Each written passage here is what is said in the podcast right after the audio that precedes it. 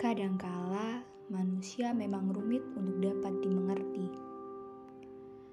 Ingin sekali hidup bertumbuh kebahagiaan, namun mereka merasa bahagianya begitu jauh untuk diwujudkan. Bahagia bukan hanya tentang menjadi kaya raya, diterima sebagai mahasiswa perguruan tinggi top 3, bekerja di perusahaan bergengsi atau bahkan menjadi pimpinan dari usaha yang dirintisnya sendiri.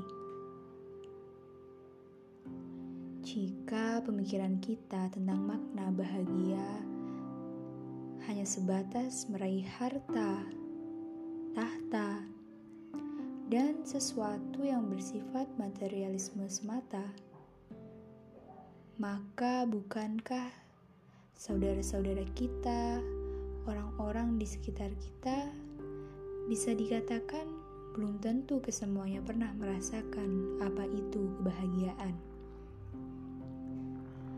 Sebenarnya, makna bahagia adalah sederhana.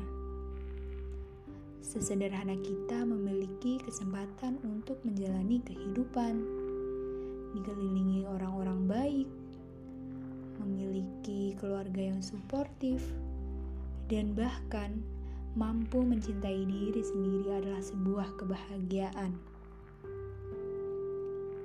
Bagaimana tidak? Self-love adalah sesuatu yang begitu penting. Andai kata hidup kita bergelimang harta, namun sering menyelepelekan diri kita sendiri, selalu merasa kurang, tidak percaya atas kemampuan yang ada pada diri kita tentulah kita akan merasa terus hidup seperti berkekurangan.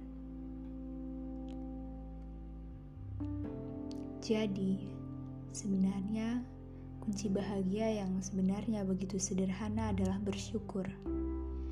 Bersyukur atas apa yang telah Tuhan beri, bersyukur atas apa yang kita punya, dan bersyukur tentang apa pun yang telah, sedang, dan akan terjadi pada kita. Pada akhirnya, jangan lagi menjadikan standar bahagia dengan ukuran yang justru tak mengenakan. Nanti malah langkah kita menjadi terbata-bata dalam menjalani hidup yang sebenarnya sudahlah sangat indah.